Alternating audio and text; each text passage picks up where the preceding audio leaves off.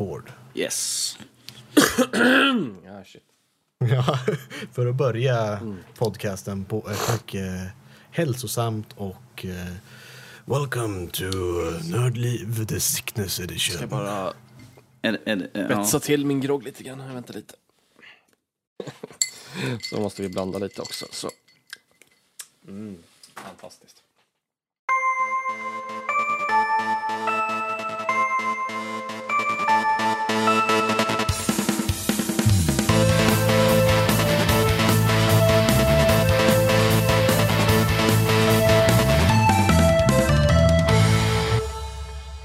Hej och välkomna till eh, Nördliv, en extra myspys edition här på Nördlivs huvudkontor tänkte jag säga. Men vi sitter ju alla på olika ställen men alla har vi vårt eget lilla hemmakontor. Eh, dagens datum är 2017 01 14 och det här är avsnitt nummer 102. Idag har vi med oss Danny och Karl. Jag heter Max. God afton. Och välkomna. God afton. God kväll. Kul, kul att ni kunde ta er tid här och komma hit i denna eh, sjukliga januarihelg. Precis, jag får, får bara börja med att säga, jag ber om ursäkt för den dåliga ljudkvaliteten, men jag är lite krasslig i halsen, så ni får helt enkelt ta det som det är. Influensan som går nu. Nej, ja. Ja, jo. Nej, det, det, det känns lite som det. Jag tror det här är sämsta. Eh, vi har ju vårt lilla schema där vi skriver i vilka som är tillgängliga för podcast och försöker ha ett bra rotation. Men det här är nog de flesta liksom, rödmarkerade. Jag kan tyvärr inte då. Jag kan inte då. Jag kan inte då. Ja, men jag kan mycket mindre så att ja, då får du som är lite halvsjuk vara med istället. Mhm, jo tack, det Alla vet bara jag. faller Men- som flugor. Man ser på jobbet så här, jag blev sjuk först, sen så kommer, när jag kommer tillbaka så, ja ah, nu har han blivit sjuk. Och så, ja nu blev hon sjuk. Och så bara faller de alla efter varandra. Så vi har lite det här också. Så här. Nu är någon sjuk, någon är bortrest, någon är sjuk. Alla är sjuka. Ja. Ja, men det är ju, folk har kommit tillbaka från semestern nu efter nyårsfirandet och alltihopa. Och Mm. säger, ja, nu ska vi börja jobba. De klarar sig en vecka eller två. Och sen, nej för fan vad jobbigt var att jobba. Nu är vi sjuka ett tag istället. Jag skyller på Fredrik att han, att han har tagit semester och bortrest och jag har dum som jag nog sagt ja och vara barnvakt åt hans unga när hans fru jobbar. Så, och de är sjuka, har varit sjuka här en hela veckan så att, ja, jag har gått och blivit sjuk här på slutet. Ja, då får du skylla dig själv. Ja, jag vet. Det är priset man får betala för att bo så nära poolen. Men ska vi sluta beklaga oss lite och eh, prata om något mer? Vi ska vara lite värmande? posi positiva här nu. Åh! Positiva tankar, ja. Just det. Ja, och eh, vi kommer tala om lite roliga grejer här. Vi kommer ju ha vårt lilla spel i fokus där vi får lite roliga spel, bland annat Witcher 3. Jag, skulle, vara- jag blir väldigt intresserad att höra det, men eh, det kommer strax. Och sen får vi ha lite nyheter. Nintendo har haft sin presskonferens. Det ska bli intressant att höra däromkring. Eh, sen har vi veckans diskussion som kommer komma upp här och vi kommer tala lite om det här med årliga spelserier. Vad är positivt, negativt? Kan ju gå båda vägarna där. Eh, sen har vi lite övriga nördämnen. Det är lite film och eh, animerat. Så att det blir lite Assassin's Creed-film och Rick and Morty impressions så att säga. Eh, efter det så kommer det vara slut. Så, det, så, ser, så ser schemat ut idag. Och vi, vi, vi ger oss direkt in på vår första punkt här som är spel i fokus. Och Danny, du, du, ju, du spelar det här spelet Grown Home. Ut, uttalar jag det korrekt? Det känns som jag frågar en, så här, en utländsk eh, dignitär som kommer in. Så här, Ursäkta, uttalade det korrekt? Eh, ja, Grown Home heter spelet. Det är ett litet äventyrsspel. Man spelar som en robot. Man börjar längst ner på en strand.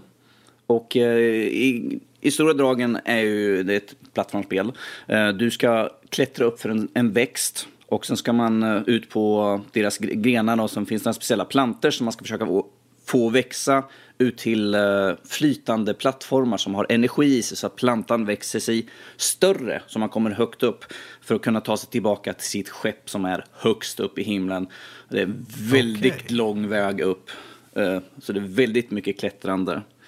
Eh, Då förstår jag varför det heter Grown Home. Precis. Att Jag tänkte, när jag hörde så tänkte jag Gone Home. Och tänkte jag, så här, jag skrev inte ner fel nu bara. Därför jag var tvungen att fråga från början att det var, att det var rätt spelserie. Men, Du ja, bara, sa han, go, sa han now. Gone Home? Nej, Grown Ja, Home alltså, det har vi väl talat om. Det är väl inget nytt spel? Nej, eh, det här är ju inte heller något nytt spel, utan men jag tog mig tid nu här nu i veckan och spelade med Fredriks yngsta dotter, vilket vi hade ganska kul. Det här kom ut 2015 ju, så det är ju inte ett nytt spel. Eh, Men att det, det var faktiskt väldigt kul eh, och hon tyckte också det var väldigt kul, speciellt när vi trillade dog en massa, men i alla fall. Ehm, under spelets gång så kan man plocka upp kristaller som sitter fast på de flytande plattformarna. Det kan vara precis på undersidan eller bara rakt på ovansidan. Så som sagt, det är väldigt mycket klättra. Till slut får man lite kramp i fingrarna för man sitter och trycker på de bakre knapparna, så här, höger, vänster, höger, vänster och liksom styr händerna individuellt när man ska, hur man ska klättra. Så.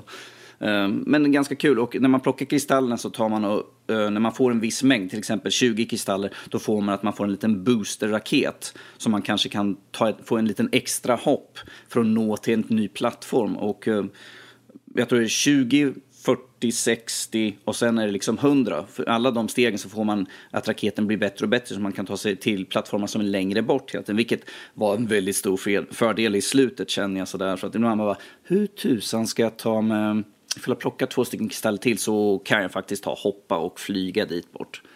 Um, mm. Det är ett spel som är gjort i Unity också. Det, det syns, det är lite källshadat. Eh, men ganska gulligt spel sådär. Det var inte det längsta spelet, det tog bara någon timme för oss två att spela igenom det. Det tog mest tid för att vi tyckte det var kul att trilla ner och se hur många olika sätt vi kunde ta död roboten på. Okay, vad ska man, okay. vad ska man ja, säga?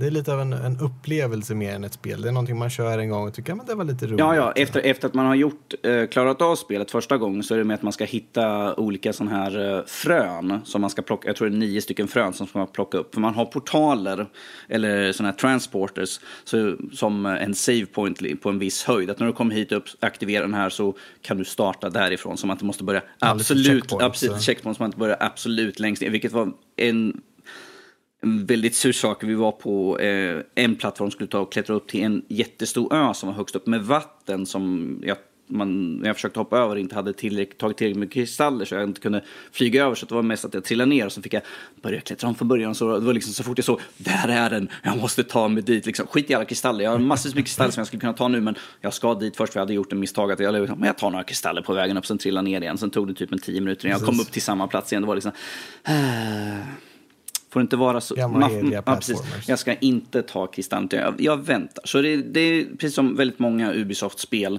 så är det liksom det här samlande. För det är där du kan göra efteråt. Du kan springa runt och hitta de sista kristallerna och sen ska du leta upp de här fröna, eh, eller starplants som de heter. Eh, för att liksom få ultimatet. Vi har ju liksom gått igenom ett slut, men nu är det bara liksom man kan göra fort. Precis som i Assassin's Creed-spelen, att du kan springa runt, plocka upp alla flaggor och alla olika sådana här hidden objects. Eh, så det är, det är väldigt mm. mycket att bara gå tillbaka och leka runt och göra det sista. Men det är ett, det är ett väldigt kul okay. spel faktiskt. Vi tyckte väldigt båda mycket om det. Hon har, jag vet att hon har spelat det mer sen vi klarade av spelet. Bara sprungit omkring och klättrat och tagit sig ut till alla olika plattformar. Bara för höga nöjets skull. Mm, bara för skojs skull. Mm. Vad är det för... Det? Jag antar att det är på konsol. Har du någon prisklass på den också? Oh, gud. Eh, eh, det, här, vi, det här är på... Vi körde på Playstation 4 men det finns också till Xbox One. Eh, mm. Men uh, prisklass, nej det har jag tyvärr inte. Borde jag ha kollat upp nu, men jag, som sagt. Jag tänkte säga, det var ju ganska... Jag tänker mig om det är liksom bara någon timme att ta sig igenom det. Visst, även om du kan göra collectible, jag kan inte tänka mig att det är jättedyrt. Nej, jag tror inte heller att det kan vara så dyrt. Jag vet inte ifall det, jag vet inte ifall det finns i fysisk form. För jag vet att den Fredrik, Fredrik har, den är i, för det är på Fredriks Playstation, så den var ju liksom digital. 799 ja, då har du inte köpt den, det är han som har gjort det. Okej. Okay. 8 euro på Steam. Så. Ja, men det låter, det, låter, det låter rimligt tycker jag för en liten experience. Då finns det på PC också. Mm. Där har ni ett litet, uh, litet, litet uh, mysspel så att säga här i uh, Nördliv myspyshörnan. Mm. Och nu vidare över till Karl som har spelat, jag tänkte säga det mysiga spelet Witcher 3, ja. men det är väl ganska groteskt egentligen. Att, ja, från den mys, mys, hög mysfaktor till hög, jag vet inte vad. Mm, brutalitetsfaktor. Slaktfaktor kanske? Ja, det har vi det. har vi det köttfärs som Fredrik hade sagt. mm. Nej, men alltså, jag vill bara lägga upp lite, lite backstory så att säga. Anledningen till att jag har gett mig an eh, Witcher 3 då. Alltså, eh, min kära vän Olle som jag spelar mycket CS med. Han har begett sig till eh, Australien. Ska stanna där väldigt länge. Så Eh, då kände jag men jag orkar inte spela CS själv så jag tar en paus från det och sen så kan vi ta upp det sen, senare när han är tillbaka vad han skulle. Det blir bara roligare när du kommer tillbaka och varit borta från det ett tag. Precis, så då tänkte jag men jag vill ha något stort som jag kan riktigt sätta tänderna i för jag brukar alltid ha ett spel som har varit CS i det här fallet de senaste två åren och så stort som jag spelar mycket och sen så tar jag och varierar lite vid sidan om. Men alltid någonting stort som jag verkligen sätter tänderna i och spelar mycket. Så kände jag, men eh, det var vinterrea. Witcher 3, det är ju sånt här spel, det har alltid varit tillbaka. Ja, men jag som ändå är, ska kalla mig själv nörd liksom, jag ska jag borde ändå, det, Witcher 3 det känns som ett spel som jag borde spelat, men jag har inte gjort det. Så att, hade vi haft, hade jag haft en shamelist eh, förra året, eller ja för eh, 2015 Game of the Year så hade ju den varit definitivt varit med då, känner jag nu. Mm. Men, eh, ja, jag har också den ligger där. Så att... Men jag fick ju en bra deal, köpte ju eh, eh huvudspelet och alla två, de två expansionerna på på Steam, eh, på Steam redan. Nu kommer jag inte ihåg exakt vad, vad vi landar på. Var det 25 euro tror jag? Något sånt där. Känns som en, en, en, bra, bra deal. Uh, så nu är jag ungefär 30 timmar in. Uh, jag kan säga det är ni som har spelat spelet. Uh, ska vi se, jag har kommit till uh, Novigrad precis. Eller ja, precis, jag har varit där och gjort lite quests där så ni vet på ett ungefär hur långt jag är. Inte, det vill säga inte så långt alls egentligen. Ah, där säger jag utan att ha någon aning om vad du pratar om. Jag säger samma. Mm. Nej, men de som har spelat vet vad jag pratar om. Mm. Så jag har precis jag har kommit dit och gjort lite små quests där. Det här är ett spel, I och med att det har ersatt lite CSGO så har jag valt att göra det, men det här ska vi spela noggrant. Så att jag kommer till ett område, rensar det helt och hållet på quests så gott det går och sen går vi vidare. Så att jag har liksom tagit mig tid och gjort massa sidequests och sånt där. Uh, men om man backar bandet lite, Witcher 3, vad är det för någonting? Det är ju en, en långlivad spelserie som från början är baserad på en rad med böcker som är så här samlingsböcker och noveller i sig då. Från... För mig det är polskt. Ja, stämmer bra. Jag vågar inte uttala mm. författarens namn, men han är, det är från Polen i alla fall. Och man skulle väl kunna mm. säga som en, som en övergripande liksom, eh, generellt beskriva det så är det ju liksom en samling av alla så här europeiska liksom, folkhistorier, folklore och alla sådana här troll och ja, vad ska man säga, liksom, allt som har med eh, ja, centraleuropeisk ja, folklore generellt sett. Ja, mytologi, mytologi nästan. Ja, men det är ett ännu bättre ord för det.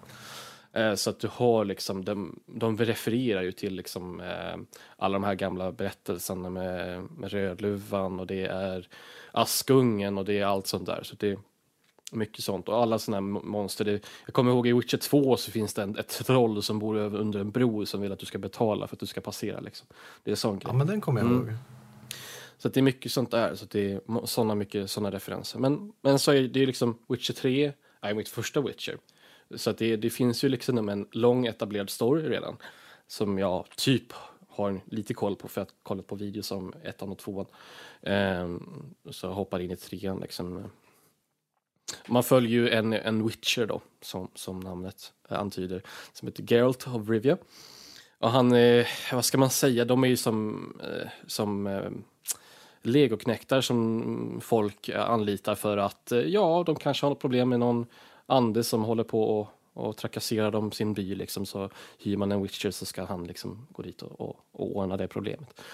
Och, på, och sen finns det en, en, en, en main story också, men man liksom går runt och slaktar det både människor och andra mytologiska varelser. Det är väldigt trevligt. Väldigt, väldigt, mm. väldigt, väldigt snyggt spel, alltså herregud måste jag säga det. Alltså det är otroligt stor värld. Just för att du har, du har ju liksom main storyn men också har du nya områden i expansionerna. Och alla, liksom, alla områden är otroligt snygga men också väldigt liksom, stora och matiga. Det finns mycket att göra. Liksom, du bara snubblar över quests hela tiden. Det finns alltid någonting att göra och du kan liksom spendera timmar med att bara rida runt och så hittar du någonting så hittar du kanske en lapp som säger, men gå, så här, hitta någon, något brev till någon person som, ja men säg att du ska gå hit och göra det här och så, så går man dit och så hittar man en skatt eller något om man hittar en, typ en, ett brev från en pirat eller något eller sådär. Sådana mm. saker. Ja, men det är lite ja, roligt. Jag måste ändå liksom rosa hur de har lagt upp allting för att just i Witcher 3 så allting känns så sammanbundet på något sätt. Liksom allting hör ihop på något bra sätt. Så att um, det var en, en, några sidequests i början. Man gick till en person, hjälpte den med en grej. Sen gjorde jag en helt orelaterad quest. Men så visade det sig att den, den personen som jag gjorde den andra questen till kände den första questgivern. Så då fick jag någon ny information från den, från den andra questgivern, gick tillbaka, så fick jag en ny dialog till den första quest, questgivern. Och det håller på så i hela spelet. Liksom. Du, du hittar nya saker. En quest leder till en annan. Du får kanske ett item som gör att du kan ens få, få fram en ny quest. Liksom. Och det är, okay. Nu kanske jag bara har 30 timmar in, men jag hoppas att det, det fortsätter så genom hela spelet. Att allting är så sammankopplat. Liksom. Att, Um, ja, nu en, en sak låser upp en annan och, och vice versa. Liksom. Du har inte det här lilla MMO-grejen där du, har, du går fram, det sitter någon eh, person med ett stort utropstecken framför sig bara och säger att åh, tänk om någon kunde göra det här. Sen gå och döda tio sådana, gå och lämna in Mm. och sen få experience. Det, inte, De, ett, det, lite, det känns lite mer involverat, Ja, lite mer levande precis. av en värld. de etablerar ganska snabbt i början hur questarna kommer se ut för det mesta. Det börjar med att någon kanske kommer och säger att, ja, men för, kanske som i början, så säger ja, men för att du ska få information som du behöver så måste du göra det här åt mig. Och sen så är det kanske någon varelse som du som trakasserar bilen så du måste då gå och döda den och då börjar du med att du letar ledtrådar, du måste ta reda på vad det är för varelse. Så kan du, på, på grund, ja, baserat på dina kunskaper om det, kan du göra potions som, eh, som gör att du blir kraftfullare mot just den varelsen. Eller kanske hitta på någon spell som gör att du kan slå den här varelsen lättare. Liksom. Det finns ju ett visst mån av förberedelse där. Liksom. Hur är eh, prestandan? Du nämnde att det var väldigt, eh, att grafiken Mm. var väldigt bra. Jag antar att du kör på PC Oh ja. också?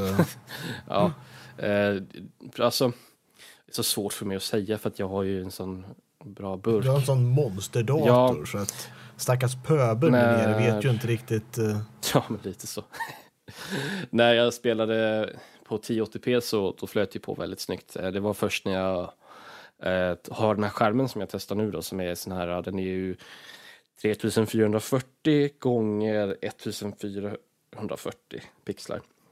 Då var jag tvungen att skruva ner lite grann, men i övrigt så är det ju väldigt, eh, jag ty- tycker det är väldigt värdigt för att det är så här, det är väldigt skalbart. Så visst, det är ju krävande att köra på högsta, det är det ju.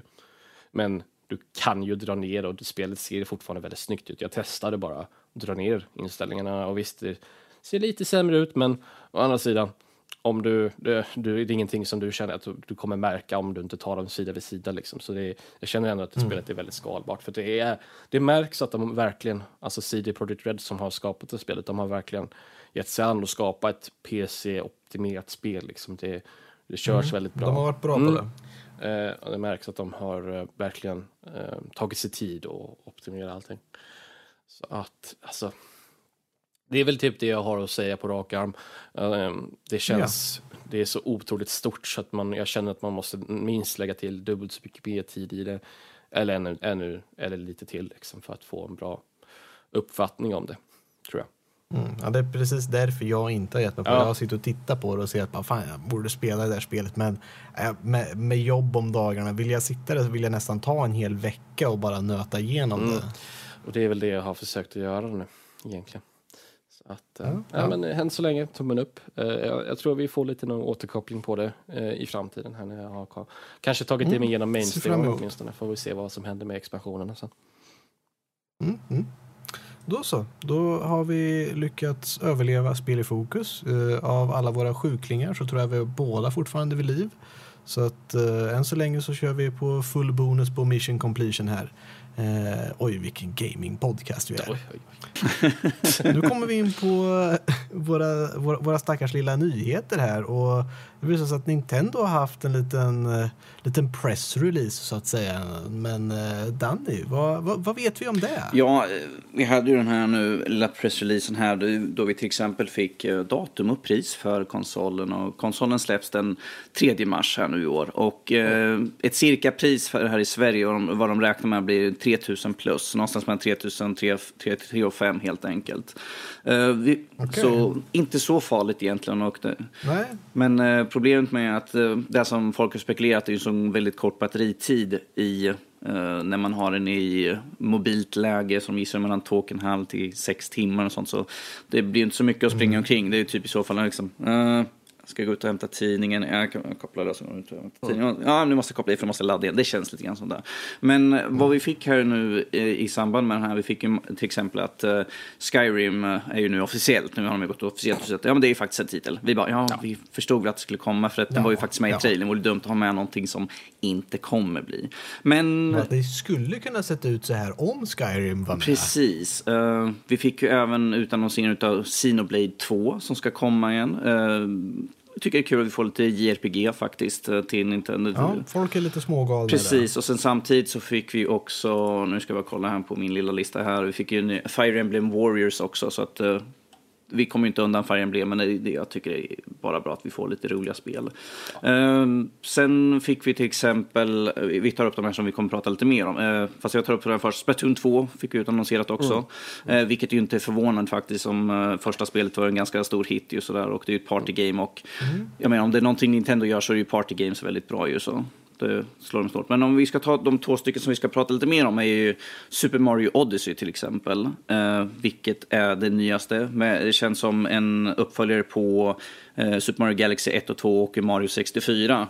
Eh, ett stort sandlådespel med Mario. Vilket, vad som är intressant med trailern att i stor del av trailern så springer omkring i en vanlig stad med människor. Vilket jag satt och kollade jag bara Mario Ja, det, GTA. det, det ser det- lite lustigt ut. Jag såg så en Ja. bild på nätet, någon hade så här redigerat in en så här, eh, GTA-stil så här mobil. Liksom, så här, som man håller upp så här och sitter och pratar i telefonen.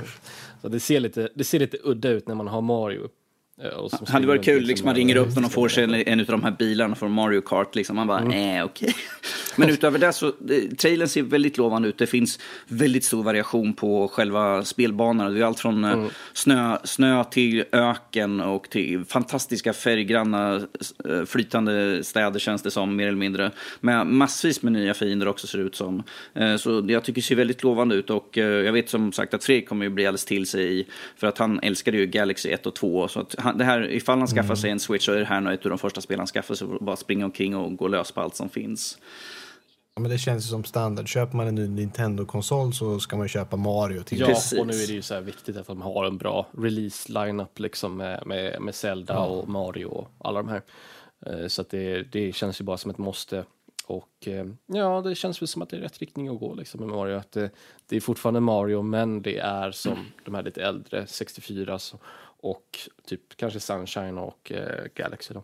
Mm. Mm, jag vet ju inte riktigt vad... eh, Man fick ju inte se riktigt vad Objective var. Det man vet är ju att han har ju sin en, en röd bas, någon form av raket eller något som man åker runt med till alla de här olika zonerna om man säger det. Ökenzonen, det är skogszonen, det är stadszonen. Och jag vet att han jagar ju efter Bowser och eh, Princess Tom Peach säger då. För att de ska, de ska gifta sig. Mm, så- Bowser har ju kidnappat henne och nu ska, ska de gifta Som, sig. som vanligt. Ja, Ja. otroligt det utvecklad story här känner jag. Så det är, Ja. ja, det är nytt, känns det.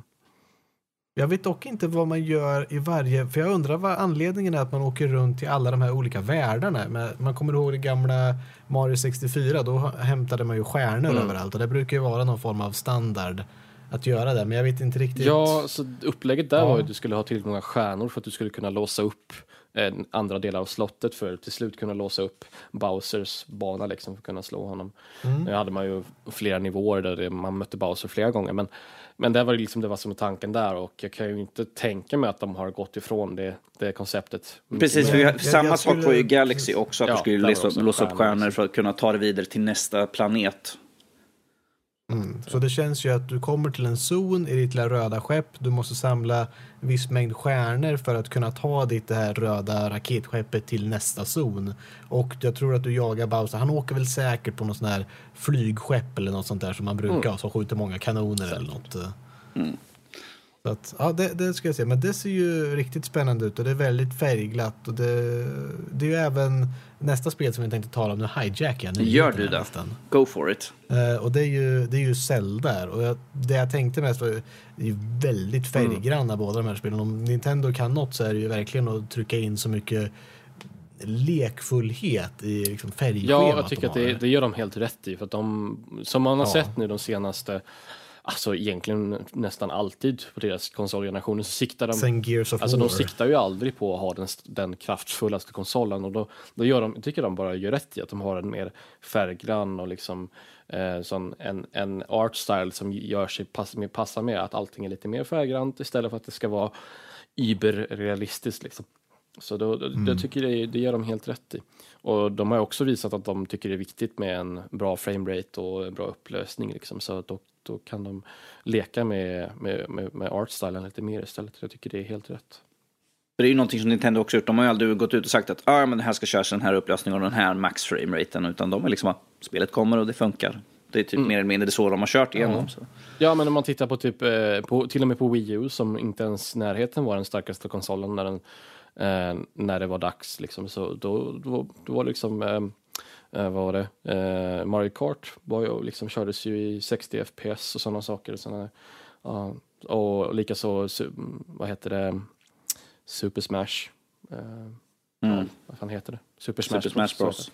Det är samma där liksom.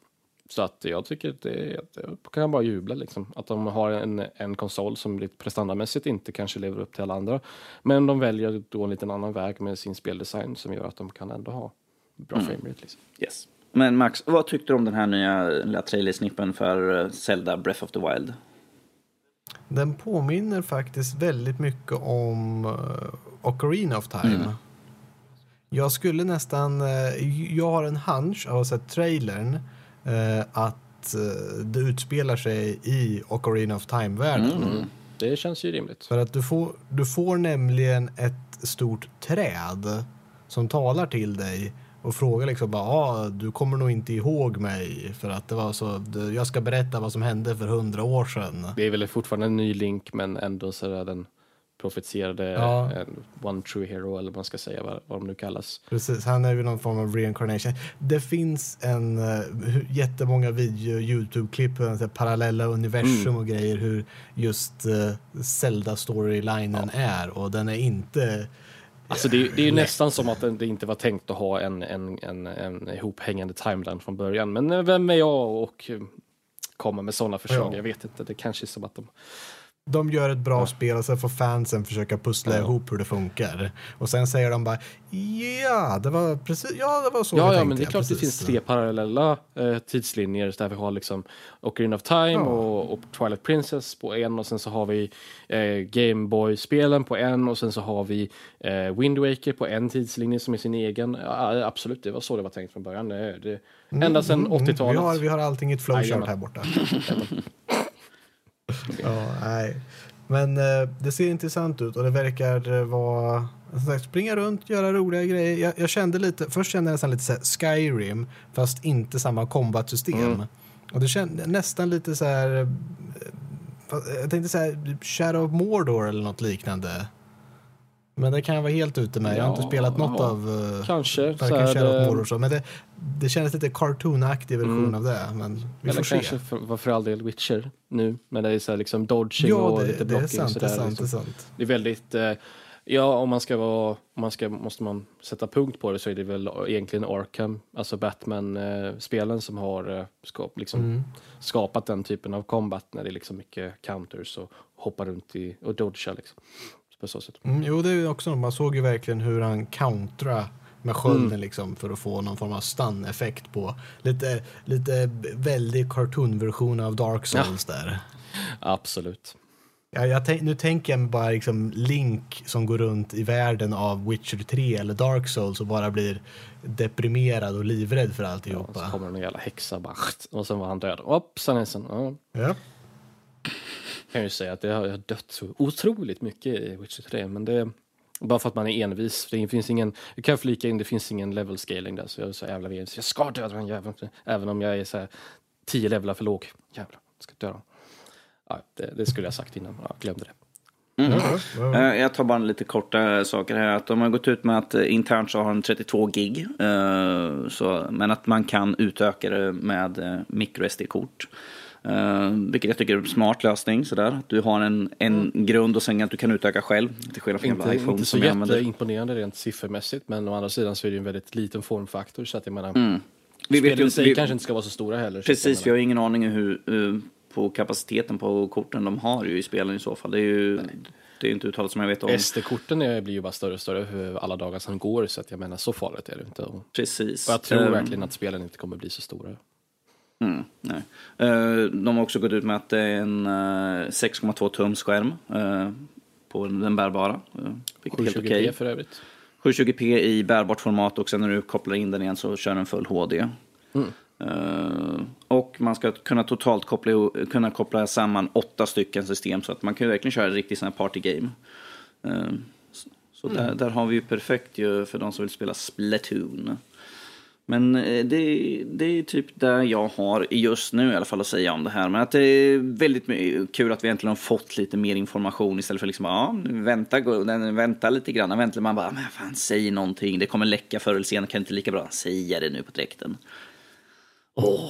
Ja, det är så här, äntligen har Mario och jag podden något att prata om istället för att bara sitta och spekulera en massa. Ja, jo, precis. istället för liksom, ja, vi kommer med nya spekulationer. Jag tycker i alla Jag fall... tror jag, att det ska vara så här, vi har hört det, men det är ingen som Om, vet. om vi säger så här, jag tycker det är kul att höra på det spekulation. Man bara, kan jag alltid hoppas att det, att det är sant, för det, ibland kommer det vilda grejer. Så man bara, ja, det skulle vara coolt. Men nu, nu finns det mycket att prata om. Och det kommer bli ännu mer att prata om när den kommer komma ut ju. Vi får se. Det är, ja, mm, ja, ja. Jag tror inte, jag är inte så, jag är inte så, eh, vad ska man säga, eh, eh, vad heter skeptisk kring det här. Alltså Nintendo har jag alltid kört sitt egna race, så jag tror att det kan, de kan ändå lyckas. Jag menar, titta på Wii, det var ju en smash hit. Till och med min morsa köpte en Wii, så att jag menar, switchen kan ju vara något liknande. Wii U tyvärr, tyvärr inte lika bra som alla trodde. Bara var liksom en, en liten lätt uppgradering. Eller Ja, något. vilket det typ var egentligen om man tänker efter. Ja, ja. Just det, en sak som jag vill flika in dock, som jag kom på nu med, med, Wii, med, med, Swi, eh, Wii, med switchen, är att det ska ju vara betald online nu för tiden. Mm. Ska det ju vara. Eh, så då, då har alla konsoler hoppat på det skeppet, vilket det får man väl tycka man vill om, men jag tycker det är... Yay, länge sedan se- jag- Season pass, DLC, here we come. Ja, alltså det var, det var länge sedan Mm. jag betalade för att spela online. Alltså jag, det, det känns så udda. Jag spelade mycket på, på Xbox 360. Det var, ah, nu, nej, ledsen grabbar, jag kan inte spela för min, min guld är slut. Så vi får vänta tills jag har, får veckopeng så jag kan köpa mer. Liksom. Mm, ja, men jag har samma sak nu, bytt från PS3 till PS4. Jag är ju inte alls van med att man eh, måste ha det för att liksom kunna spela där. Det var ju bara, jaha, ja, men jag kan ta en runda online nu och sen så bara, ja, du måste vara eh, Playstation Plus-medlem. Och man bara, ja just ja, det hade jag glömt. Äh, skitsamma, då kör vi offline.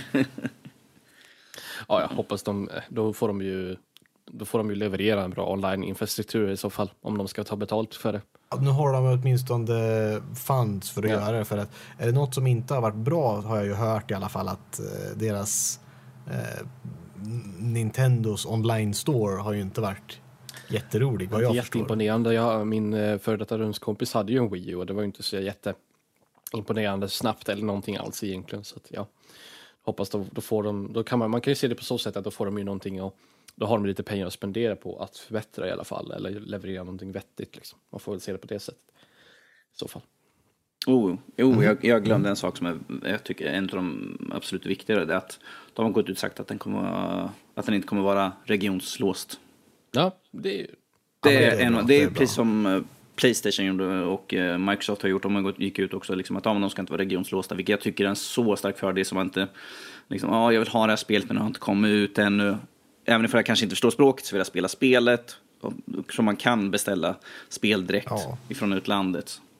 Det är konstigt hur liksom, hur det, det är en sån där lag verkligen som är införd för att liksom förhindra och allting som förhindrar saker. Det man ska göra, man ska göra det om man vill att man ska köpa någonting i någon region, då ska man bara göra det lättare för dem. Man ska inte förhindra för alla andra, för då blir det bara besvärligt.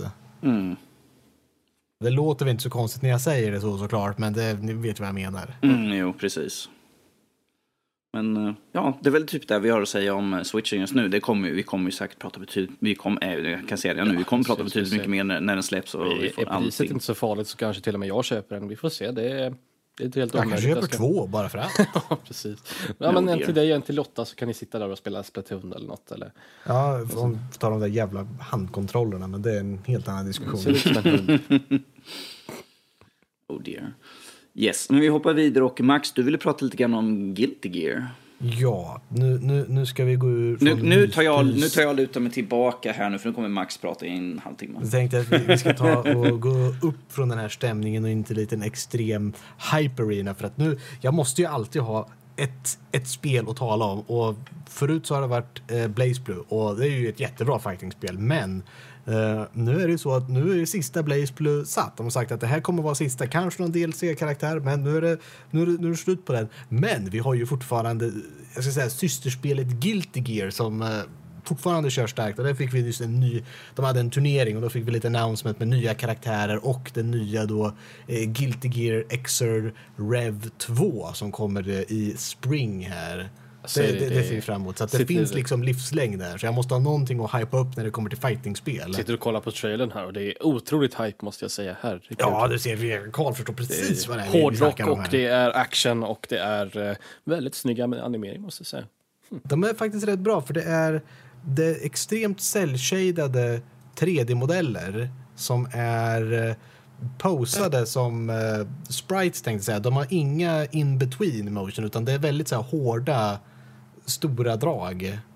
Jag vet inte, hur ska man förklara det verkligen? Men det, det, om du tänker att du, liksom, du animerar, nu står gubben så och sen ska han röra armen hit och då tar de liksom strecket och rör sig direkt dit. Det känns väldigt 2D sprite animerat. Att du har verkligen tagit en bild på bild på bild och inga, inga mjuka 60 FPS där. Men de får det att se så snyggt ut för att de har det bara funkar på något sätt. Det känns, det känns 2D fast modellerna är 3D så att när man väl spelar och man börjar en match eller vinner en match så flyttar kameran runt sig till en annan vinkel och man bara vad fan det här var ju 2D, det kan ju inte gå 3D helt plötsligt. Så att det ser, det ser riktigt, de har, de har lyckats gjort någonting som får att det ser riktigt, riktigt bra ut. Som sig bör det- så, så är det lite lagom fanservice också, vilket är, det är väl bara. Oh ja, oh ja, Det oh får ja. man på Det, köpet. det, japanskt och anime, det, det är svårt att undvika. Det, det är bara neutralt där. Men men, som sagt, jag vill bara komma ut med en announcement där eftersom att eh, jag kan hijacka värdpositionen och då får bestämma vissa grad vad som kommer med. Och därför kom Guild Gear med på nyhetsflödet. Så tillbaka till dig Danny, tack för denna tid. Tack för denna tid. Max återkommer snart när, han, när han har mer att säga. Sådär. Nej, vi tänkte bara gå ut här som sista nyheten att eh, vi fick ju uh, utannonseringen, eller utannonseringen, den tyvärra nyheten att Scalebound läggs ju ner utav Platinum Games eh, och exklusivt för Microsoft, vilket jag tycker är ganska tråkigt. För jag tyckte det faktiskt såg väldigt intressant ut. Ett action, drakar eh, som man kan rida omkring på. Eh, lite Dantes Inferno kändes det lite grann som eh, med stora monster och sånt. Det jag tyckte var intressant. Ja, skulle, ja. Va? Mm? Jag skulle bara säga att det var lite Monster Hunter-influerat vad jag förstod. Det var många som ville ha det till PC. Ja, eh, vilket vi tyvärr nu inte får. Eh, plus att huvudkaraktären såg ut som Dante också. Så. Ja, alltså, jag kan ju uppskatta hur gameplay ser ut. Men ni säger det, Monster Hunter, det var ju coola strider och sånt där. Men karaktärerna var ju bara liksom irriterande. Så att, ja. Jag var ju väldigt skeptisk till det när det visades upp på första gången på E3 förra året. Men det var inte så att man önskade att det skulle inte släppas liksom. Ja. Men eh, Platinum Games har gjort bra spel. Ja, men precis. Plus att, det. plus att det, det som folk mest har, det har ju varit så tyst om det. Därför har ju folk redan gissat att det skulle vara, men jag hoppades nu in i det sista att det inte skulle ha varit. För att det är det värsta man har när en spelstudio absolut inte säger någonting eller kommer inte ut med någonting. Man bara, arbetar de fortfarande på det? Kommer det komma ut? Eller är det nedlagt? Ska vi gissa på att det är nedlagt? Har inte sagt någonting?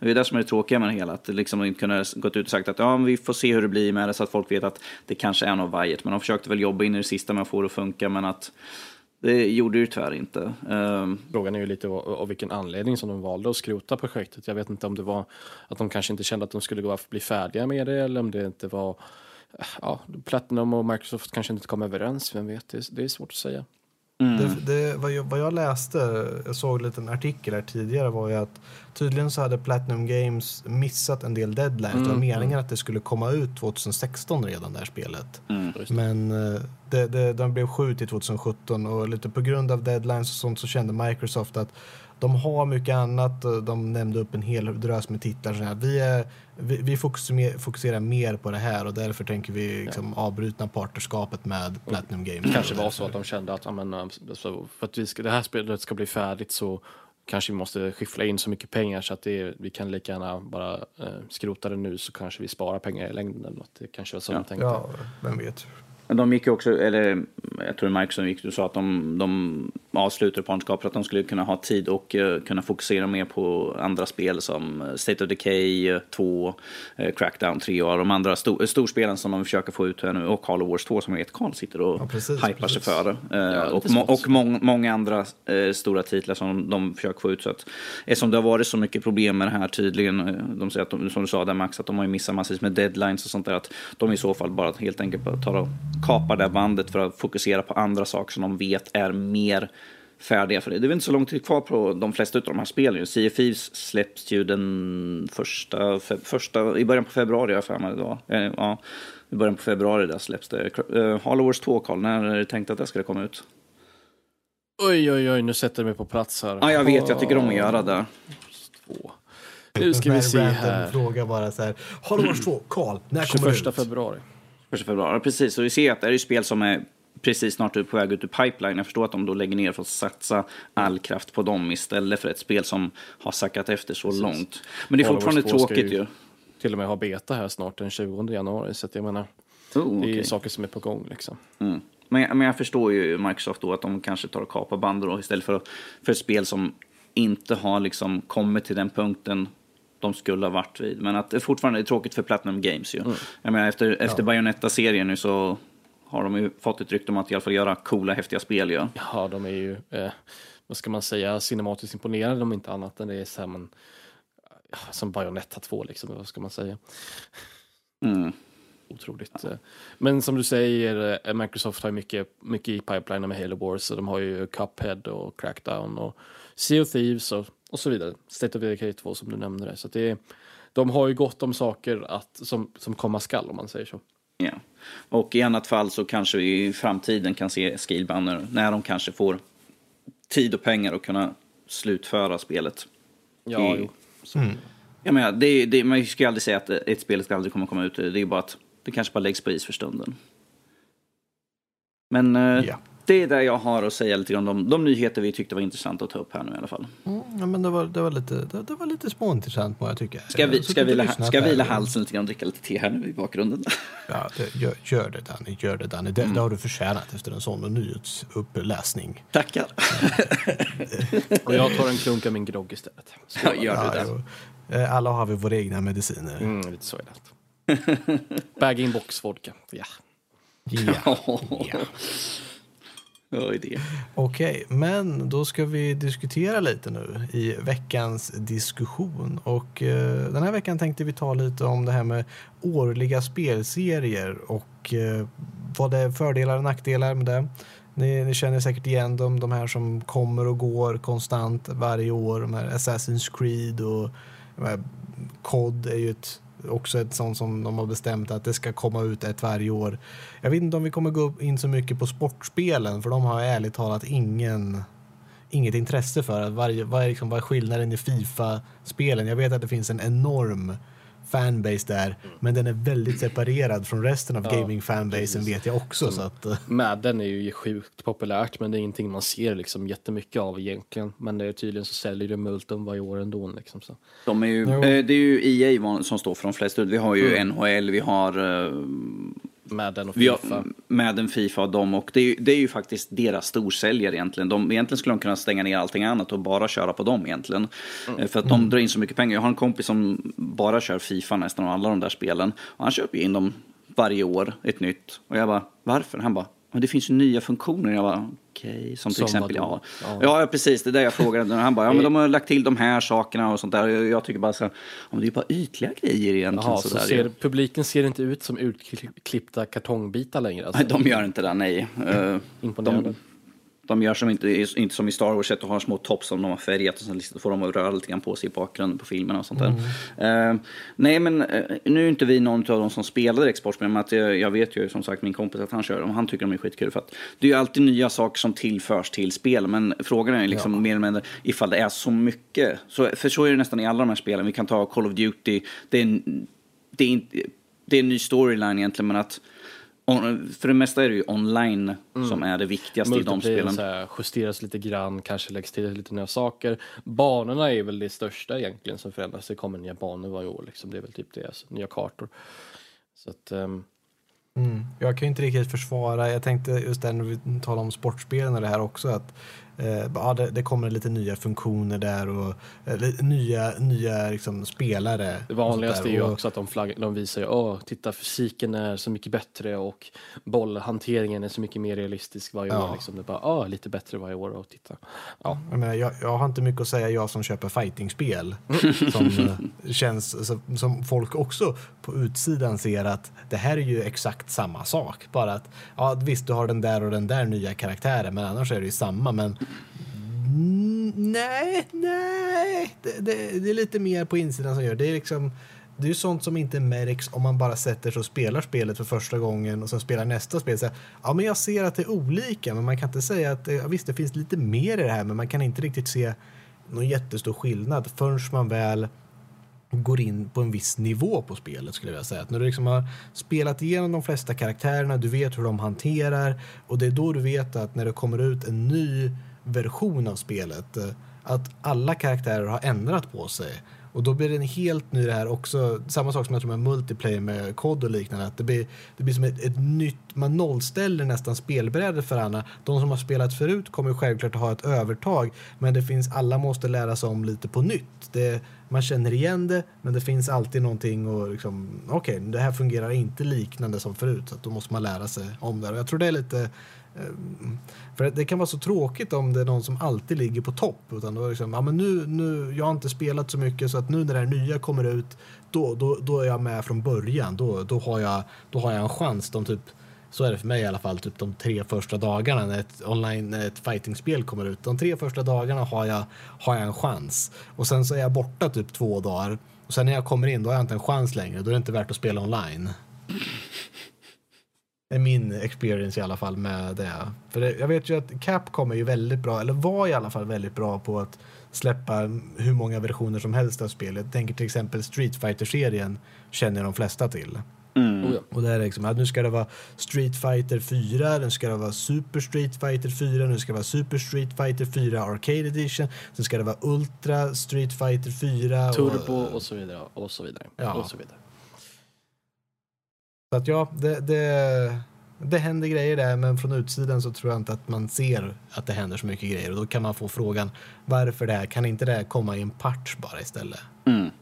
Men om vi då går tillbaka till som frågeställningen, årliga spelserier, är det väntat på, på ett par år mellan utvecklingar? På, på, om vi tar till exempel fightingspel, behöver vi ha mm. ett spel varje år eller kan vi vänta kanske för att Eftersom du säger att ifall man har ett, ett spel och så kan det, där säga samma sak med Fifa och de spelen. Kan du inte bara göra en patch där vi får de nya uppdateringarna, liksom att hur spelkaraktärerna, eller ska vi vänta ett par år till att få ett nytt spel istället för att få Fifa 2017, 2018, 2019 och Street Fighter Uh, Turbo, Super, uh, Super Deluxe och allt sånt där istället för att vänta ett par... Superduper Deluxe. Superduper Deluxe, där vi istället kan få ett, ett spel kanske två, tre år emellan där vi får en, en klar skillnad på hur spelet ser ut, hur karaktärerna uppför sig, liksom, så att det blir en, som en helt nytt spel. Eller ska vi ha ett, ett nytt spel varje år? Om vi tar till exempel för mig Assassin's Creed. Uh, nu, nu inte, fick ju inte vi någonting förra året uh, som vi fick filmen istället, men att uh, där har jag ingenting emot för att vi kunna få en några år emellan. Nu är det visserligen att de har ju flera studios där de kanske har en tre, fyra år utveckling på, men att jag har ingenting emot ifall de skulle komma med någon längre tid emellan. För att årlig tycker jag, då, då, då, känns det som det vattnas lite grann. Och ifall du kör liksom varje gång, då känns det liksom, okej, okay, jag känns som jag gjort det. Och nu en liten uppdatering. Det är väl lite den uppslutsatsen de själva, Ubisoft, har kommit till också. Att det, mm. ja, fansen har tröttnat och sen så jag känner ju själv att men alltså, det här är ju samma story varje gång. Det är, visst, det är andra saker, det är lite andra detaljer varje gång, men det är ändå varje gång så, så ska de här Assassins och, och Templars som ska jagas efter någon magical de ska liksom leta efter någon magical McGuffin och så ska man slåss om vem som kommer till den första, det är typ det det handlar om varje spel. Och det är, spel efter spel så blir det lite uttjatat liksom. Så att, eh, och sen så, så blir det väldigt, det blir mycket samma sak varje gång, det utvecklas inte speciellt mycket liksom. Mm. Eh, så jag, jag, just när det kommer till Assassin's Creed så, så var jag bara glad att de, de beslutade sig, men vi, vi väntar lite. Då kanske det inte blir de här, uh, de här buggiga releaserna heller, som när de släpptes liksom med, med um, Unity till exempel, som var väldigt buggigt och, och horribelt när det släpptes. Liksom.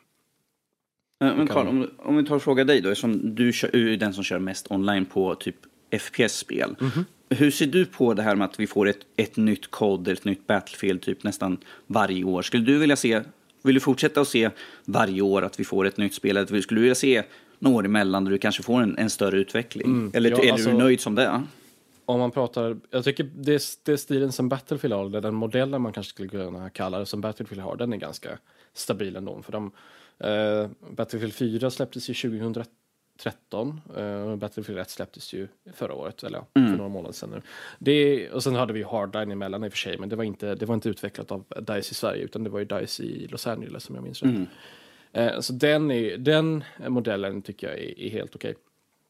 Men det som jag ser personligen blir problemet, om, om jag får bara säga vad jag själv tycker, Yes. och om man får bortse från liksom det, det monetära. Jag, jag förstår ju att Call of Duty säljer multen varje år. Det är inte så konstigt. Hade jag haft en, någonting som jag kan släppa någonting varje år och det säljer lika bra varje år. Nu har i och för sig siffrorna gått ner lite grann, men ändå. Alltså det, det säljer väldigt bra varje år oavsett.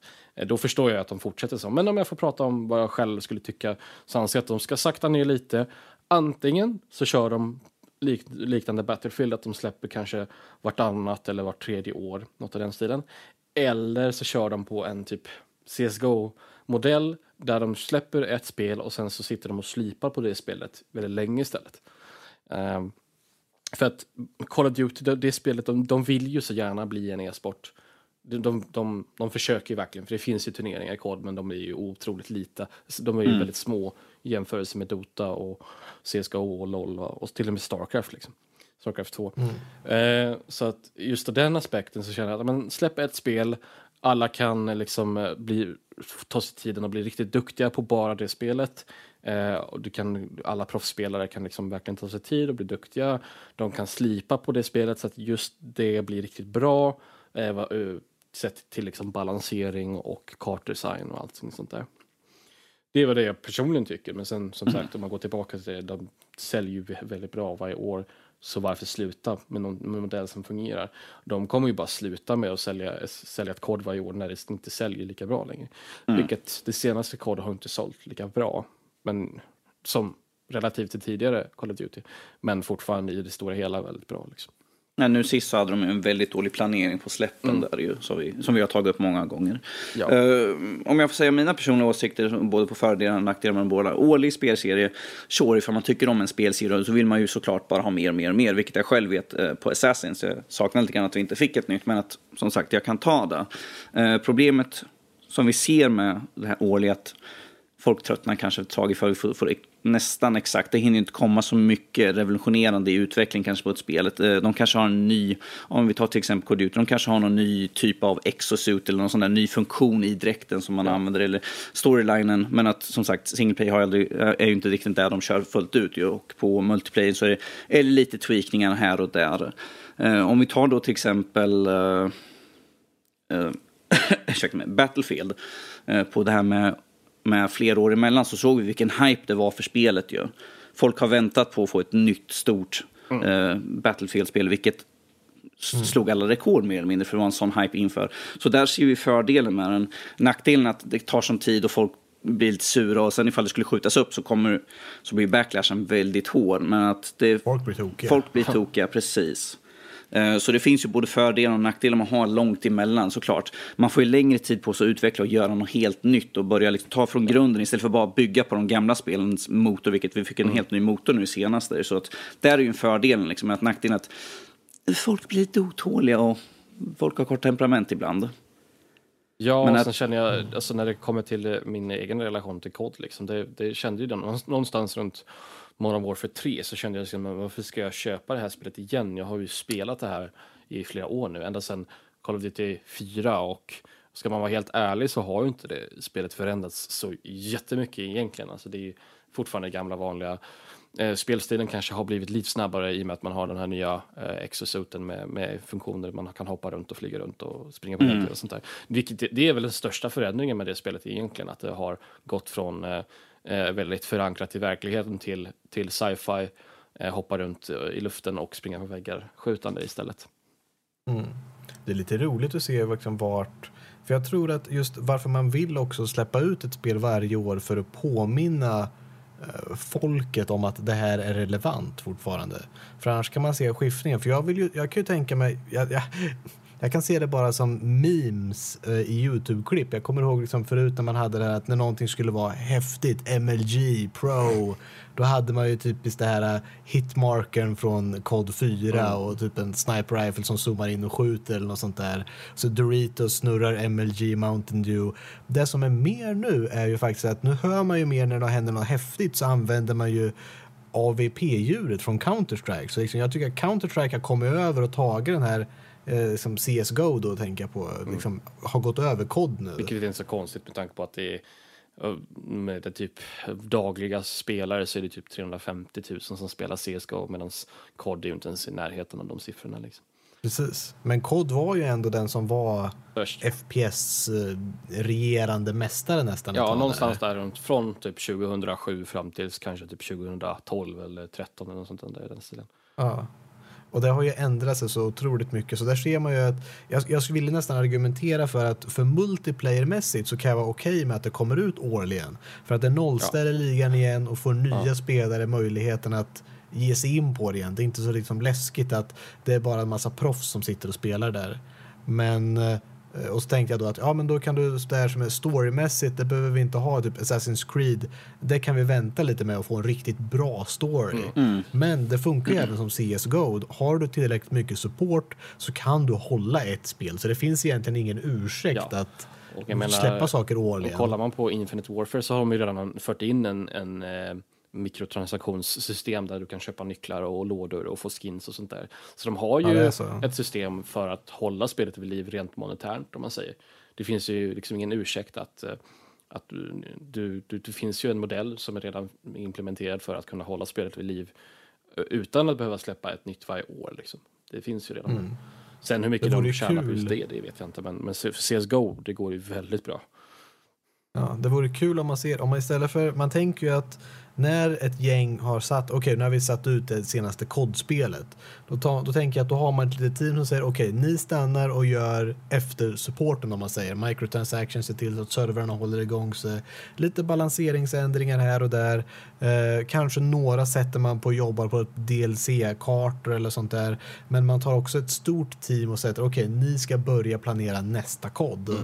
Tänk om de tog det teamet istället och säger att okej, nu har ni släppt det här. Nu sätter ni er och vidareutvecklar det. Vi vill patcha det så inåt att Ja. det verkligen är, det ska komma nytt content, att folk vill verkligen sitta kvar på det. Ja, och så kollar man på CS, det, det, man har ju inga officiella siffror egentligen, men det ser ut som att det inte är så jättemånga som jobbar på det spelet egentligen. De kanske har några grafiker, de kanske har några programmerare, men det är inte så mycket mer än så. Liksom. Några ljuddesign. Okej, ja. liksom. det, det, det är ingen som man vet, men det känns ju inte som att det är så jättemånga som, som jobbar på det egentligen. Men om man tittar på hur det ser ut med uppdateringarna, ja, det, det, de brukar komma i omgångar. Liksom. Det är väldigt tyst ett tag och sen så släpper de någon större, någon ny omdesignad bana med ny grafik och sen så kommer det handskar eller något, jag vet inte.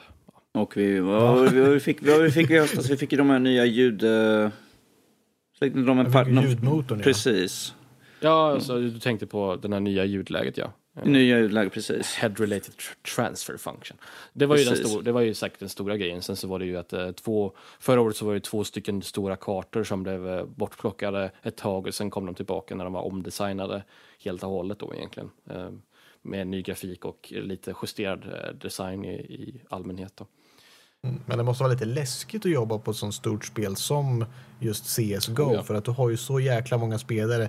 Den, om du eh, gör något fel, tänk om alla Den säger att communityn är nej, ju inte rädd faktiskt. för att vara eh, ärlig om man säger så. Det var ju för Nej, okej, de, blir, de blir flamade vad de än gör. var det, det var ju 2015, december, när de släppte en, en ny eh, revolver som var helt fruktansvärt obalanserad och helt trasig. Det, liksom, det blev ju, plus de släppte den nya revolvern som var helt fruktansvärt liksom, idiotiskt balanserad. Eh, men sen så gjorde de också en, en balanseringsförändring som jag för övrigt pratade om på podden. Har ni varit med länge så, så pratade jag faktiskt om det. Kommer jag ihåg nu. Eh, så gjorde de Ja. en balanseringsförändring på alla gevär som folk blev helt galna över. Alltså. Och med, med all rätt, för det förstörde ju liksom hela spelet med balanseringen och sånt där. Speciellt med att det var en, det finns ju ett ekonomiskt system i det spelet. Du kunde köpa en revolver eh, för, eh, vad var det nu var, 850 dollar som kunde vara, skulle liksom kunna möta ett gevär för eh, 2700 dollar eh, utan problem liksom. Det var Jesus. lite off topic kanske, men alltså, som ett exempel alltså. Mm. Ja, vi kommer in på det spåret, men ja. Ja. Som sagt, eh, fin- finns det någon spelserie som ni känner att det här är ett som vi måste ha? Och någon som ni känner så att den här måste jag ha årligen? Eh, Nej, det kan jag inte påstå. Alltså, eh, det finns ju lite olika sätt att lägga upp det på. Jag, jag vet ju, nu, nu har jag inte spelat så mycket på senaste, men det var ett tag som jag verkligen följde Hearthstone väldigt noggrant. Och nu, de har ju lagt upp sin, sin lilla uppdateringscykel där de kör varannan adventure, alltså single player adventure, och varannan expansion med bara kort. Och så det, det är också ett sätt att hålla spelet vid liv för att då varje gång de släpper nya kort så blir det ett nytt meta där det är nya saker som fungerar bra. Och, och sen så kanske de justerar kort som har varit och så vidare. Och så vidare. Så det är också ett sätt att göra det på. Speciellt Hearthstone som där, där det går att ha en sån modell att du har, släpper spelet och sen så, folk, så tjänar man pengar på att folk köper korten istället. Funkar också på det sättet. Det ska bli intressant att se, jag som har gett mig in ganska, ganska djupt nu i Shadowverse. Det verkar vara lite liknande, för de har ju också såna här kortexpansioner de släpper. De släpper ju inte ett nytt spel utan de släpper ju verkligen content till spelet och då ändras ju metaspelet något extremt varje gång nya kort kommer ut för då ska man ju bygga om alla lekar och, och sånt där. Så att, Om, om, jag, om jag får föreslå en annan sak, istället för liksom det här årliga eller typ ett av målen, vad sägs om vi får går tillbaka till de gamla, liksom, ett grundspel, sen ordent, eh, expansion pack som alla eh, Blizzard kör på ju. Och stora expansion pack istället. Ja, alltså man För, ser, för en inte allt för orimlig summa i så fall, för att du har ju redan grundspelet. Det beror lite på vad man, vem man vill bry sig om. Alltså, om man vill bry sig om konsumenten så, så, så anser jag att det är bättre att köra ett stabilt grundspel och sen kör man expansion på det, för det är mer valuta för pengarna tycker jag. Då. Men sen så, så är ju spelföretag, de är ju vinstdrivande så att... Jo, jo. Ja, Men att problem, vi har ju sett som sagt att, att uh, siffrorna har ju fallit ganska hårt på de här storspelen nu. Att, eftersom de kommer ut årligen och att folk tröttnar liksom eftersom det är inte så mycket. Men att Ja. om vi tar till exempel då, ifall vi är inne på Blizzard med Diablo 3, att de släppte ju expansion och de båda har ju sålt extremt bra.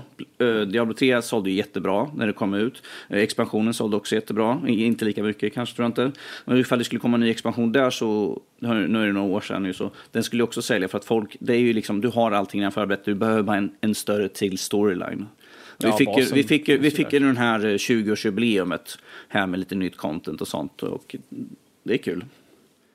Men där har vi ju en helt annan form istället för liksom massa år emellan. Eh, Eftersom vi inte fått någon utannonserad av ett något nytt Diablo eller något sånt där. Så att där skulle jag kunna se lite fler expansion pack istället.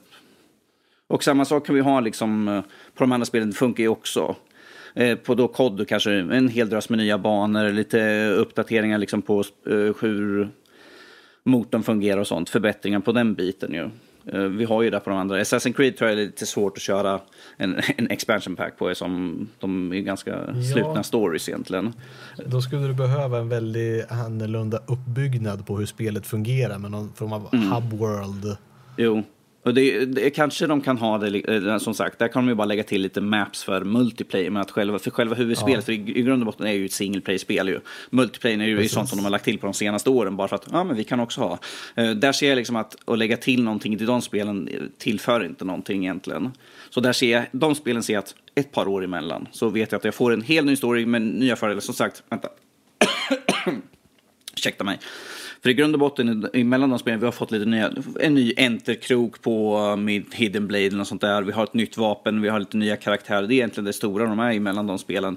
I grund och botten så är de samma, samma sak. Springa omkring, hoppa, klättra, lönnmörda en massa folk som är templars. Det är ju basic gist utav det hela. Så det ska vara, ja. Som, som det ska vara. Liksom, för att gå till, jag har ju gått tillbaka och spelat tvåan och jag bara, ja just det, jag kan inte göra det här. Ja just det, jag kan inte göra det här. Ja just det, jag, jag kan inte göra de där grejerna heller. Man märker att vi har fått massvis med grejer mellan spelen, men att i grund och botten, det är samma sak vi gör hela tiden.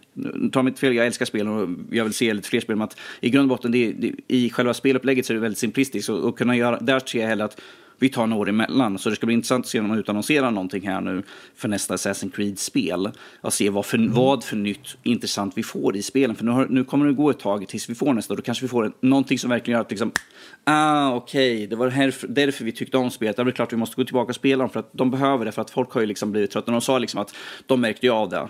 Att det, det sålde inte lika bra, folk var inte lika intresserade längre. Lite tröttnat på spelen. Så där ser jag, som, som vi sa förut, att de gör en väldigt bra smart drag liksom, att vänta in med att släppa ett nytt spel. Så de, de har någonting nytt intressant istället. Vilket jag ser att skulle vara en fördel för väldigt många studios. Eh, Alla stora, även för spelen säljer okej, kanske vänta, få folk att sakna det liksom, och sen liksom hypa upp det. Precis som Battlefield har gjort nu. Med stor bravur. Ja, verkligen. De vet ju, om, om, de, om de vet någonting så är det hur, hur man gör speltrailers, om man säger så.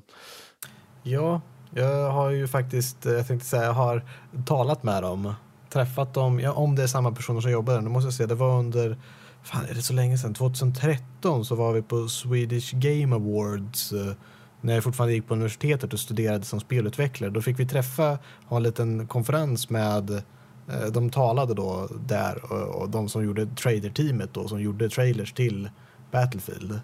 Och de sa just hur de körde att de satte sig i game och sen väntade de bara på häftiga saker som skulle hända och sen där, den där delen måste vi ha en trailer.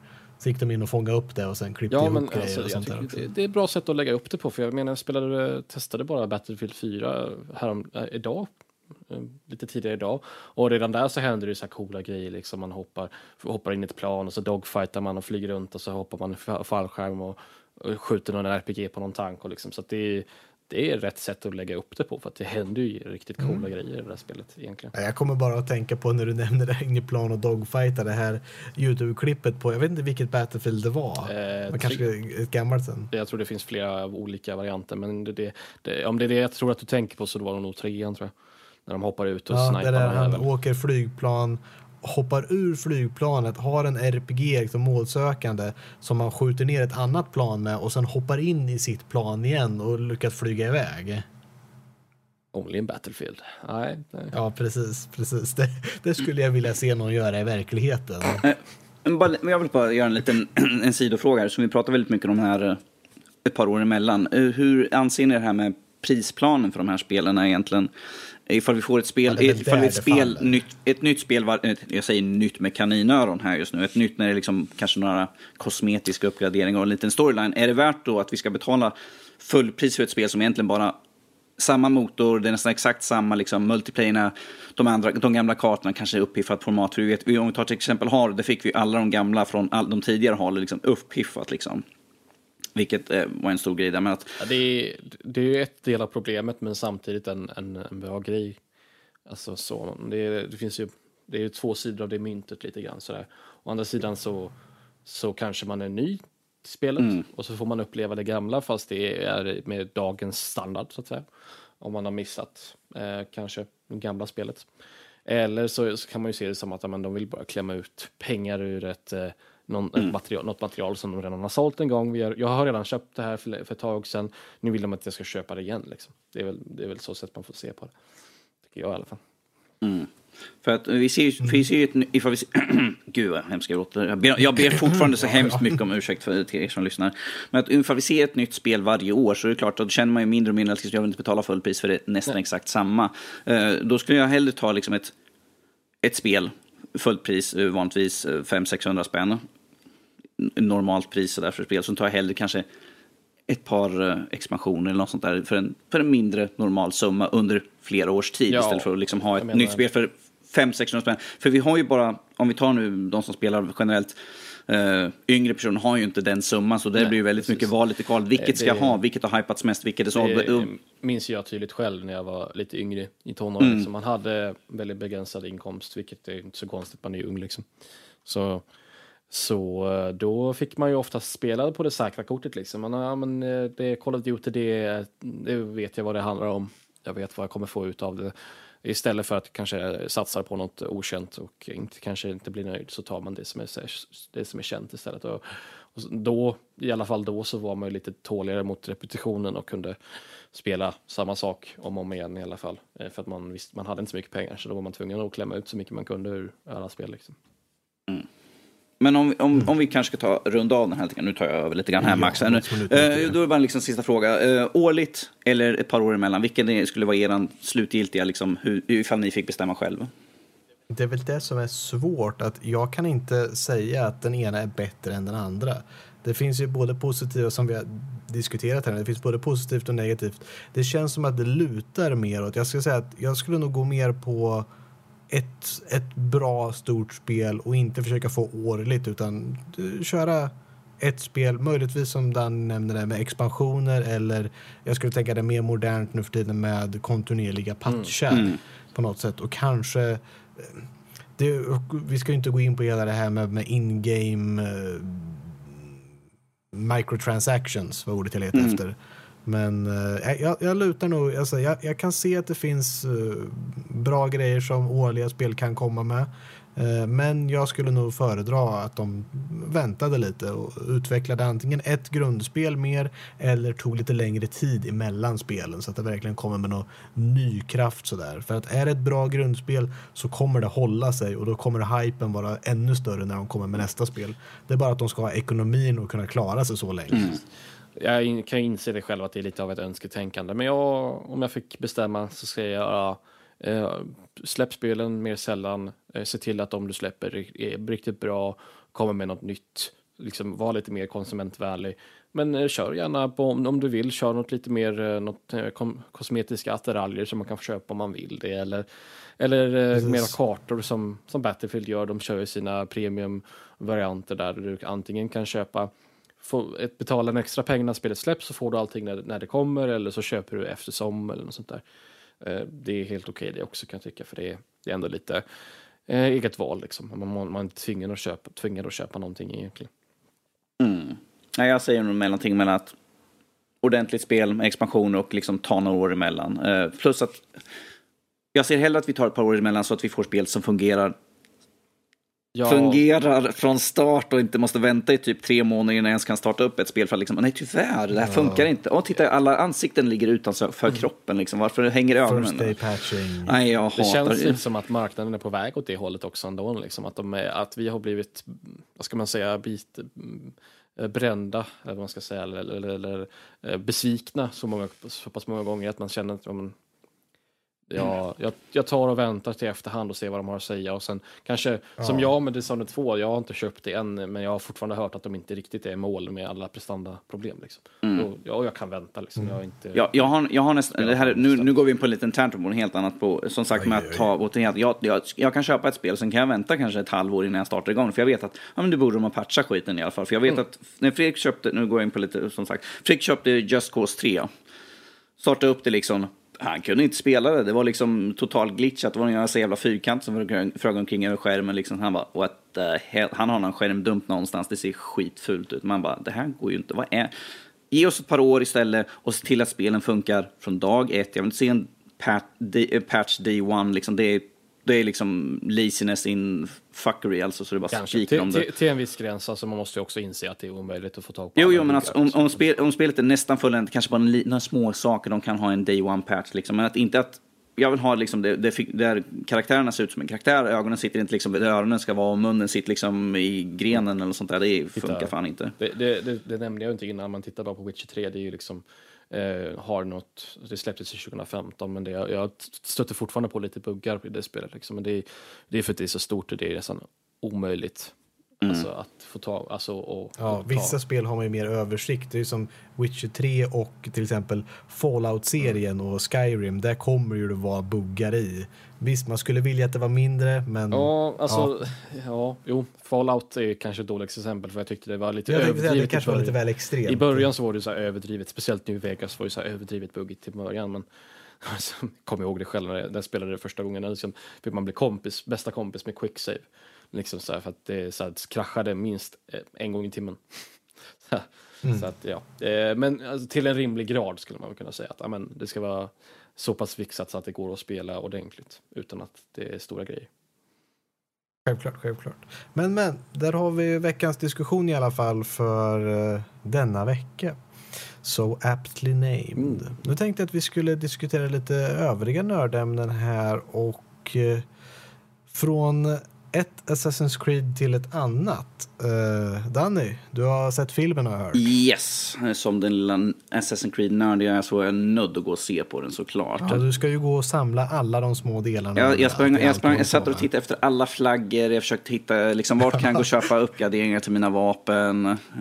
Gjorde han inte det i filmen? Gick han inte och plockade alla flaggorna och tittade runt i alla hörn? Så, ja, jag vet att det är liksom panik, jag måste dit för att han, den där nissen som jag ska döda, han, han lämnar det där om fem minuter. Men jag ska springa till halva andra sidan världen och leta efter flaggor nu i tre timmar och sen komma dit. Eh, Eh, Filmen på- är liksom 13 timmar lång egentligen. När han bara sitter där och hoppar runt. Det är bara en playthrough. Man han går in, han går in, på, han går in på nätet och säger ja men fan karta på alla jag flaggor. Jag hittar, orkar inte leta själv. Så här.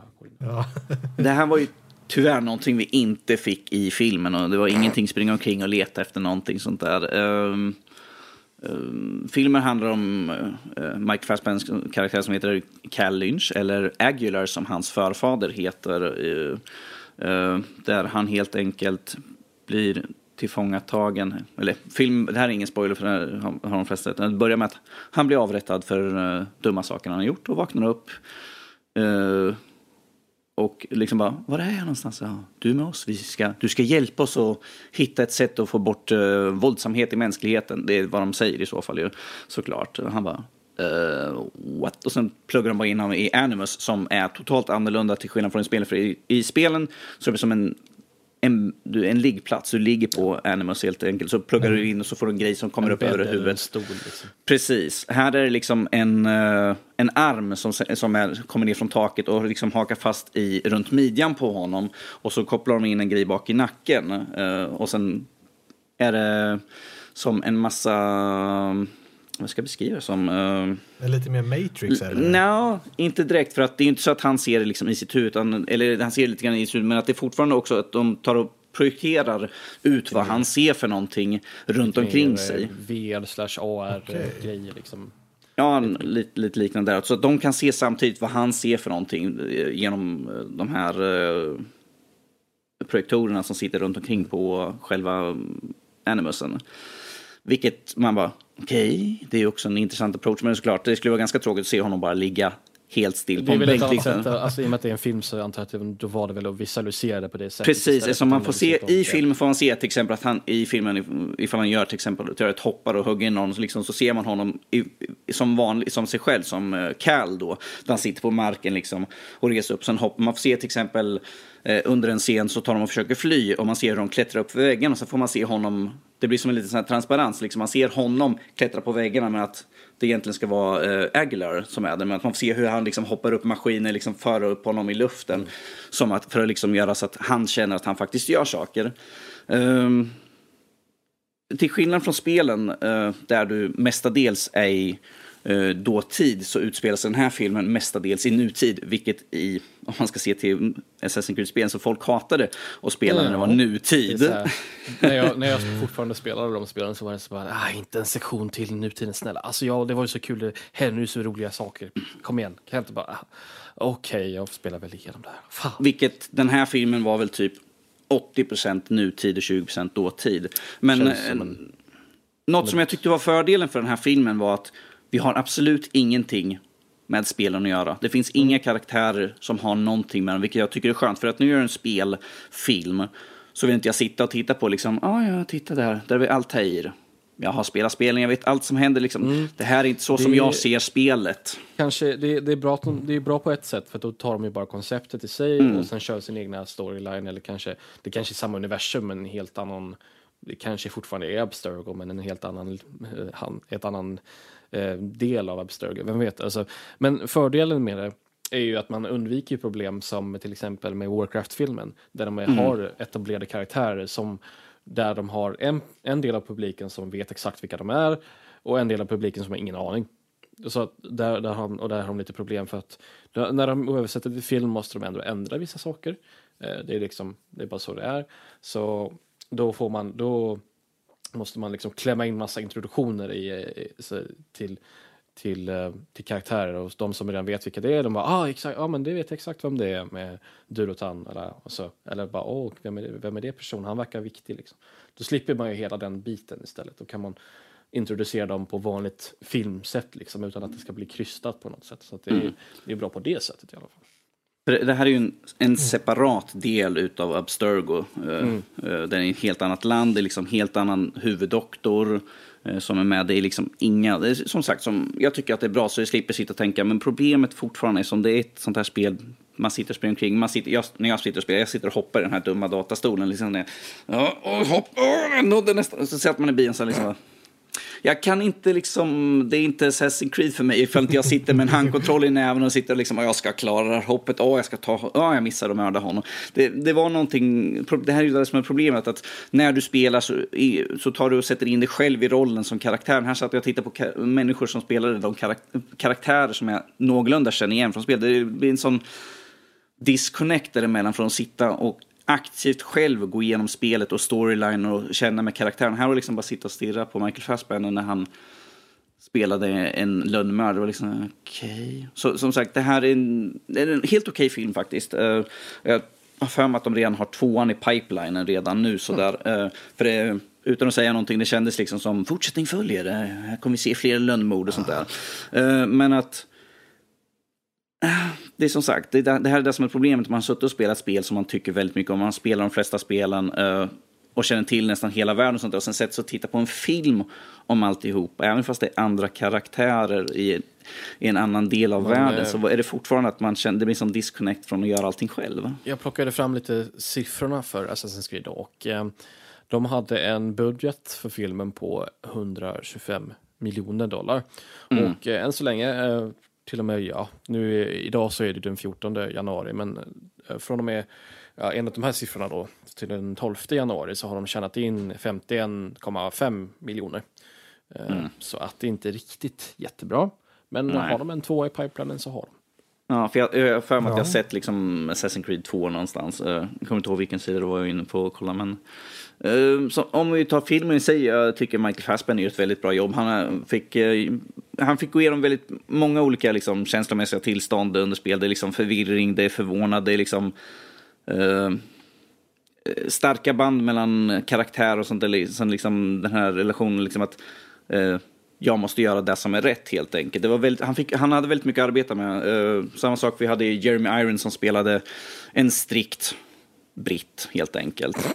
Uh, han, han spelar, det var Jeremy Irons helt enkelt. Det känns inte som han gjorde, det liksom, han var typisk brittisk så där, liksom, stel, liksom, ja vi ska göra på det här sättet. Eh, så det var inte så mycket det känns som han behövde göra för sin roll. Han, han var en bad guy helt enkelt. Sen har vi Marion Cotillard, eller hur man nu vill uttala hennes namn, som var väl med den länken mellan uh, uh, Cal och liksom, hon var liksom hans doktor där. Det var hon, hennes försök liksom att få ut hans minnen mer eller mindre. Det kändes som att hon försökte liksom... Hon jobbade, ja, jag tycker hon gjorde ett bra jobb helt enkelt som den karaktären hon spelar faktiskt. Det kändes som... Hon hade också väldigt mycket i den känslomässiga banden liksom hon fick anstränga sig på. Eh, jag tycker de gjorde ett bra jobb. De andra karaktärerna har jag inte så mycket att säga egentligen om. Ehm, det var ju väldigt många som man såg tillbaka och man bara, ja, där är han, och där, där, och där, är han är ju då, ja okej. Okay. Det var liksom så här, whatever. Men eh, en helt okej okay film faktiskt. Eh, det kanske inte, den kanske inte faller alla på läppen, så att säga. Jag, som sagt, jag är ju Assassin's Creed-nöt och jag älskar Jag har alla böckerna också för den delen. Så. Jag visste inte ens att det fanns böcker. Så det, det, fin, det, fin, det finns en bok för varje spel mer eller mindre. Och det finns, det har, ja, de har kommit ut med nya böcker också nu som inte har någonting med något av de tidigare att göra. Men uh, helt, helt okej okay film ifall man tycker om. Men att man får ju vara beredd och ifall man har spelat spelen så var inte beredd på att du ska känna liksom oh wow, det är liksom precis som spelen. Det, det blir det alltså klart. Det här är inte den som uh, gör gränsen mellan spel och film. Liksom, åh, nu är bryggan färdigbyggd, det är liksom så som det ska. Nej, vi får nog vänta några år till innan vi ser någonting sånt. Yeah. Men det är lite, lite intressant att då få höra om det. Jag kommer nog inte se den på bio. Jag väntar nog definitivt tills den kommer ut i annat format. Jag kan misstänka att den kommer ut på Netflix om någon månad. Då kan jag se den då. Yeah. Yes. Men eh, då skulle vi vilja höra lite från Karl här. För jag säger att du har ju sett eh, lite på Rick and mm. Morty. Och jag har ju hållit mig borta från den serien. Många säger liksom den nya. Säger, jag har sett lite Youtube-klipp här och där bara. Och folk säger att den är jättebra och så. Och Fredrik också vet jag. Fre Fredrik, Fredrik jag vet inte hur många gånger han sa, han bara du måste se. Det här är en serie för dig. Det är liksom perfekt serie för dig. Jag bara Mm, okej, okay, jag har fortfarande inte kommit runt till ja, det. Ja, ja, men jag är ungefär på samma där. Så här, ja, ja, ja okej. Okay. Men ja. Så vad tycker du Karl, du som har sett lite på ja, Jag har ju, är inne på andra säsongen nu och just nu så finns det ju två säsonger då, tio avsnitt var. Så att det, var, det varje avsnitt är ju cirka 20 minuter. Så det är inte så jättemycket material ute just nu, men men om man säger premissen då så har man ju den här gamla hederliga seriefamiljen, liksom animerade serier precis som det har varit ja, alltid liksom med Simpson och Family Guy. Så här. är morsan och farsan och sen så är det två barn, en, en dotter och en son och sen så har man ju då de titulära karaktärerna är Rick, det är sonen och sen så Morty, nej tvärtom. Morty är ju sonen och Rick är ju uh, Mortys farfar, nej morfar blir det.